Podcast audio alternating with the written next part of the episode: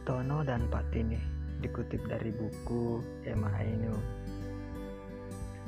Emma Ainun Najib dengan judul buku Selilitan Kiai. Ceritanya seperti ini.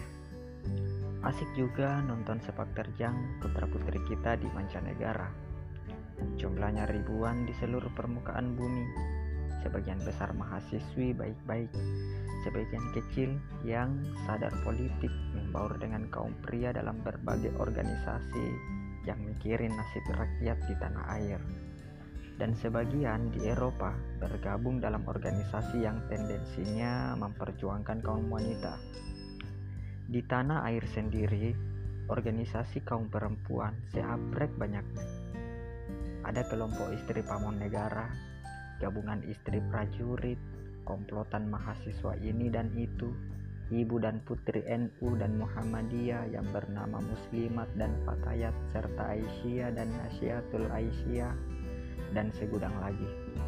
Yang belum ada barangkali cuma Persatuan Istri Kondektur Kereta Api atau Solidaritas Putra putri-putri pejabat dan yang perlu ada misalnya adalah organisasi wanita tunasusila seluruh Indonesia yang anggotanya dijamin jauh melebihi penduduk Brunei.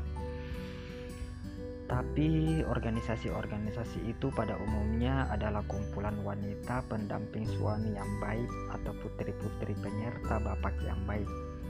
Meskipun sama-sama berjuang mendharma baktikan diri untuk negara dan bangsa, organisasi putri kita di Eropa itu Bakartini Berjeans. Artinya punya semangat liberalisasi kewanitaan yang tinggi maunya progresif, lincah, kreatif, tak seperti Kartini yang ipit-ipit susah melangkahkan kaki karena memakai kain sempit. Di Indonesia belum ada organisasi wanita yang betul-betul memperjuangkan wanita, kata mereka. Maka agaknya mereka pun sing-singkan lengan baju dan celana untuk merintis kepalan tinju kaum wanita. Mulanya sih cuma kelompok yang ingin rutin berdiskusi agar tahu persoalan wanita di tanah air. Namun semangat cuan tak bisa ditahan lagi ibarat orang sudah kebelet maka beberapa dari mereka berinisiatif untuk bikin organisasi. Kalau sudah begini orang akan suntuk belajar modern apakah organisasi kita kolektif, egaliter atau parlementer perlu struktur pemimpin anggota atau kepemimpinan bersama. Kemudian, seperti umumnya organisasi mahasiswa kita di mancanegara, mereka juga kerepotan menerapkan makhluk yang bernama demokrasi. Kisru sentimen ini itu asap memenuhi ruang rapat padahal api belum tentu ada. Mulut penuh bumbu tanpa makanan pokok yang jelas. Alhasil ada saja problem mental Melayu, warisan budaya bangsa yang layak jajah, tapi nggak apa, namanya juga manusia. Kalau nggak gitu nggak ramai, yang penting aspirasinya apa. Arif Budiman yang menulis buku pembagian kerja secara seksual ikut mengilhami mereka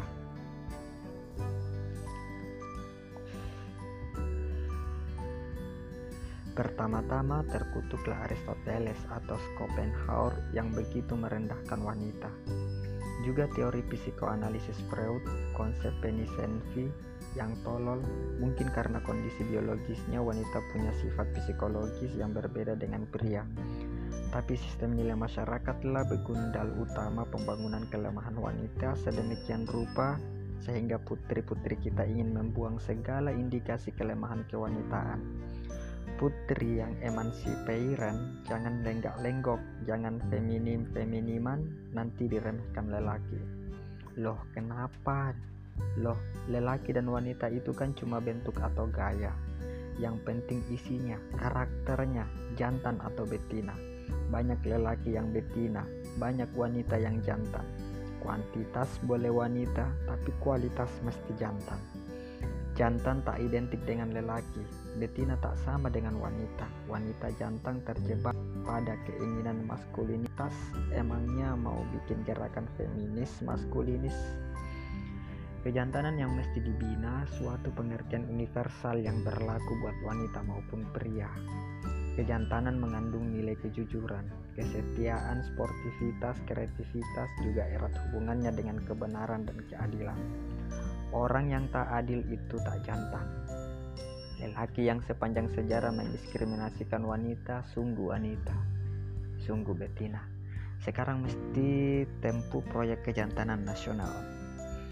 Tapi coba perhatikan kenapa yang hebat-hebat itu disebut jantan, yang licik pengecut disebut betina. Kenapa tak sebaliknya? Orang yang jujur, gentle, adil itu betina. Ternyata terma jantan betina itu juga diskriminatif. Sistem patriarkal sudah merasuk ke dalam psikobudaya bahasa. Soalnya sekarang apakah pergerakan wanita akan membalik terma jantan betina menjadi betina jantan atau melebur sama sekali dengan kembali pada satuan-satuan universal dari nilai kebenaran dan keadilan. Coba kan susah juga kalau istri Soekartono dipanggil Bu Tono sedangkan suami Soekartini tak disebut Pak Tini. Sungguh sukar menerjemahkan wanita minta kue yang lebih besar. Istilah Barbara Descartes dalam sistem nilai sosial atau tahun depan dibalik saja suruh lelaki jadi ibu. Rumah tangga sibuk arisan dan ikut festival masakan nasional. Perjuangan wanita kan bukan untuk memusuhi kaum kaum lelaki organisasi putri-putri kita belum jelas benar sosok maunya kalau dicari indikasinya di konstelasi gerakan wanita di barat, orientasi mereka masih kabur, tapi jelas tak ada kesan seperti feminis radikal yang tarik garis tegas dari lelaki dan membuktikan lesbianisme sebagai tanda ketidaktergantungan pada lelaki. Mungkin saking bencinya pada patriarki dan mengidealkan matriarki, adakah putri-putri kita itu cenderung seperti feminis liberal yang mendasar perjuangan dengan filsafat persamaan hak antar manusia atau seperti feminis sosial yang melihat persoalannya lebih pada tatanan sosial ekonomi? Kalau di tanah air jawabnya supel, gerakan feminis Pancasila. Namun pada putri-putri kita di mancanegara itu belum jelas benar. Masih mencari-cari, belum ada perspektif pemikiran yang memungkinkan mereka menentukan dasar dan orientasi sikap, terutama untuk problem spesifik wanita Indonesia, entah besok pagi. Tapi kalau soal semangat, jangan ragu, semangatnya sedemikian rupa sampai terkadang hipersensitif. Saya pernah diskusi dengan mereka dan bercerita tentang karikatur Joni Hidayat Tukang-tukang becak di pojok jalan berdebat kuat mana Iran dan Irak, sementara anggota-anggota DPR di gedung parlemen berdebat kuat mana Susi atau Meli. Semua hadirin tertawa ngakak. Saya segera dimarahi oleh putri-putri kita ini karena dianggap merendahkan wanita. Berhubung saya sal selalu takut pada wanita, maka saya diam saja. Untung ada pembela. Lo yang dimarahi mestinya yang tertawa, bukan yang cerita, atau lebih tepat marah sama anggota DPR itu dong. Saya pribadi adalah penganut ilmu kasunyatan bahwa jiwa itu tak ada yang pria dan wanita. Kalau toh ada kelemahan tertentu dari makhluk yang disebut wanita dalam pengalaman saya justru itu merupakan kekuatan dan kemenangan politis wanita atas pria. Karena itu saya tak punya kesempatan untuk korupsi.